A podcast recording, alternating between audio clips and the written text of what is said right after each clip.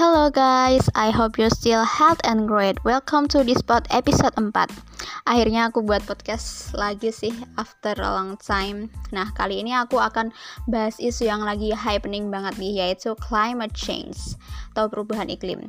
Aku bahas ini karena climate change yang dipicu oleh pemanasan global ini akan mempengaruhi kehidupan kita guys ke depan Bayangin aja ya, gimana jika beberapa tahun ke depan kita, anak cucu kita hidup dengan udara kotor, suhu tinggi mencapai 50 derajat Celcius, kekeringan pas musim kemarau, kebanjiran pas musim hujan karena nggak ada daerah resapan air, uh, musim tanam terutama padi yang tak menentu, yang juga menyebabkan gagal tanam atau gagal panen.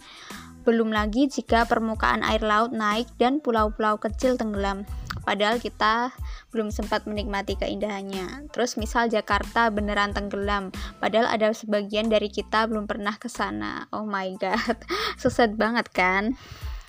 Nah, di Indonesia sendiri udah mulai menggejala banget nih uh, perubahan iklim ini. Kalian sadar nggak sih banjir di Kalimantan Selatan awal tahun 2021 yang merupakan banjir terbesar di Kalimantan Selatan selama 50 tahun terakhir dan terjadi hampir di 10 kabupaten atau kota. Gila. Gila banget sih. Dan baru malam ini nih, aku juga ada kabar bahwa Kota Batu mengalami banjir bandang. Oh my god, turut berduka ya. Semoga uh, semua segera membaik keadaannya di sana. Nah, untuk bencana-bencana tersebut kita tentunya nggak boleh abai nih guys, udah bener-bener krisis iklim. Tapi uh, sebelum membahas tentang krisis iklim dan sebagainya, aku ingin balik lagi nih ke tren climate change kali ini yang tidak bisa lepas dari Conference of the Parties atau COP 2021 di mana para pemimpin dunia bertemu di Glasgow, Skotlandia dengan beberapa kesepakatan seperti menghentikan deforestasi pada tahun 2030 bla bla bla bla bla bla bla bla bla. Maaf aku niru Greta Thunberg ya.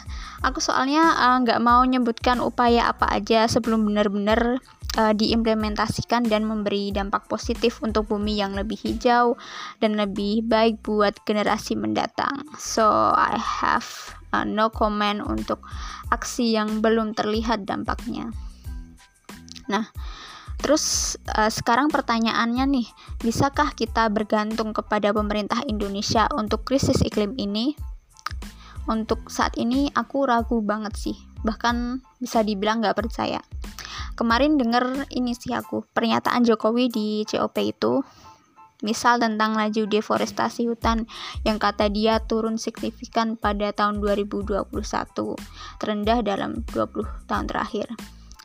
Namun uh, jika dilihat dari data Greenpeace uh, deforestasi di masa rezim Jokowi ini jauh lebih parah dibandingkan 10 tahun yang lalu, di mana pada tahun 2011 sampai dengan 2016 deforestasi di Indonesia ini telah melahap hingga 4,8 juta hektar lahan.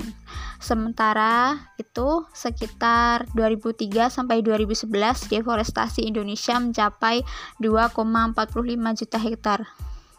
Gila enggak? Gila banget dong. seluruh wilayah Jogja aja luasnya nggak ada apa-apanya guys. Sumpah nggak ada apa-apanya. Ini hutan dibabat semua guys. Bayangin. Nah ditambah lagi nih dengan omnibus law yang dibuat pemerintah saat ini. Salah satunya hal yang aku khawatirin yaitu uh, dihapusnya pasal 18 ayat 2 Undang-Undang Nomor 41 Tahun 99 tentang Kehutanan. Ayat yang berbunyi Luas kawasan hutan yang harus dipertahankan sebagaimana dimaksud pada ayat 1 minimal 30% dari luas daerah aliran sungai dan atau pulau dengan sebaran yang proporsional itu mengalami perubahan signifikan. Nah, batasan minimal 30% kawasan hutan dihapus dalam UU Cipta Kerja dihapus. Jadi masyarakat adat yang tinggal dan mencari penghidupan di hutan kuat-kuat ya kalian dan jangan lupa rapatkan barisan, oke? Okay? Banyak hal mengancam kalian dan mengancam kita juga sih sebenarnya semua uh, makhluk hidup terancam sebenarnya. nah udah kayak emang nggak ada jaminan sama sekali untuk kelestarian hutan kita di Indonesia oleh pemerintah.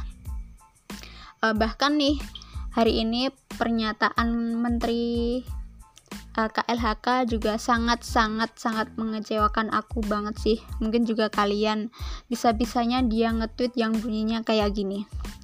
Pembangunan besar-besaran era Presiden Jokowi tidak boleh berhenti atas nama emisi karbon atau atas nama deforestasi. Gila enggak guys? Ini Menteri Lingkungan Hidup dan Kehutanan guys bilang gini. Astagfirullahaladzim banget gak tahu lagi aku. Udah emang kayak ya ampun ini kayak tujuannya tuh emang kayak udah rusak gitu. Udah nggak tahu lagi. Tapi yang disayangkan, di Indonesia sendiri kesadaran masyarakat terkait isu lingkungan dan perubahan iklim ini masih kurang banget. Nah, sebuah survei terkait pengelolaan sumber daya alam di Indonesia yang dilakukan oleh Lembaga Survei Indonesia hasilnya cukup mengejutkan nih guys di mana mayoritas responden lebih prihatin persoalan korupsi, lapangan pekerjaan, dan pertumbuhan ekonomi dibandingkan kerusakan alam, perubahan iklim, dan demokrasi. Padahal, kalau dipikirkan lagi, kerusakan lingkungan merupakan hal yang paling mendasar dan krusial terhadap masa depan manusia itu sendiri. So, guys, I think we must start now. Di mana dengan hal-hal sederhana sampai hal-hal luar biasa setidaknya dapat kita lakukan nih untuk mengurangi akibat perubahan atau krisis iklim ini. Tentunya disesuaikan dengan kapasitas dan kemampuan kalian masing-masing. Contohnya, nomor satu, Tanam pohon sekitar rumah kalian. Setidaknya rumah kalian memiliki udara yang lebih bersih. Nah, aku barusan baca artikel dari kompas.com yang mengatakan bahwa pohon bisa mengurangi polusi bahkan menghilangkan emisi bahan bakar fosil dari atmosfer. Yang kedua, kurangi penggunaan AC. Udah tahu kan AC menyebabkan penipisan ozon dan pemanasan global. So, tolong kurangin ya guys kalau bisa pakai kipas angin aja atau pakai kipas biasa itu yang ketiga campaign lingkungan. Nah kesadaran masa itu juga penting guys. Kamu bisa mulai dengan buat-buat instastory repost-repost gitu tentang isi lingkungan biar semakin menumbuhkan kesadaran bersama. Jadi misal kalian nanam pohon yang nanam gak cuma kalian sendiri tapi orang lain juga tergerak untuk menanam pohon. Nah misalnya kayak gitu guys. Nomor 4 bijak menggunakan energi listrik maupun energi fosil. Misal nih kita bisa matiin lampu atau cabut charger kalau udah nggak dipakai. Dan pergi ke tempat yang nggak jauh jangan pakai kendaraan bermotor. Misal nih kita ke warung deket rumah. Utamakan pergi dengan jalan kaki atau naik sepeda aja ya guys. Jadi tolong energi itu dihemat-hemat dan jangan sampailah terlalu banyak mengeluarkan energi itu Nomor 5, if you have money atau jika kamu punya uang karena kamu udah kerja but no have time to do something for environment kayak tapi udah nggak punya waktu untuk uh, melakukan sesuatu untuk lingkungan, bisa loh kalian tuh donasi ke NGO-NGO yang bergerak di bidang lingkungan atau konservasi. Misal kalian bisa donasi uang ke Greenpeace gitu-gitu. Atau kalian juga bisa ini mendirikan komunitas lingkungan jika benar-benar uh, pengen banget nih menggerakkan banyak orang untuk melakukan aksi nyata untuk lingkungan. Terus nomor 6, kalau kamu orang tajir, kalian juga bisa loh pasang kayak pembangkit listrik sendiri, misal pakai panel surya gitu yang lebih ramah lingkungan. Dan tentunya hal ini bisa kayak mempengaruhi orang lain juga, guys. Dan besok jika kamu udah menjadi orang yang berpengaruh, kamu bisa memulai aksi yang lebih besar lagi. Misal kamu bisa menjadi uh, penggiat ekoturism di mana hutan bisa dijadikan tempat wisata. Contoh nih hutan Mangunan di Jogja itu bagus banget wah pokoknya bisa dikelola masyarakat dan masyarakatnya itu jadi uh, segan untuk menebang hutan gitu. Menebang pohon maksudnya. Atau bisa juga kalian besok sometimes someday bisa jadi uh, menteri KLHK mungkin yang punya visi misi yang lebih baik.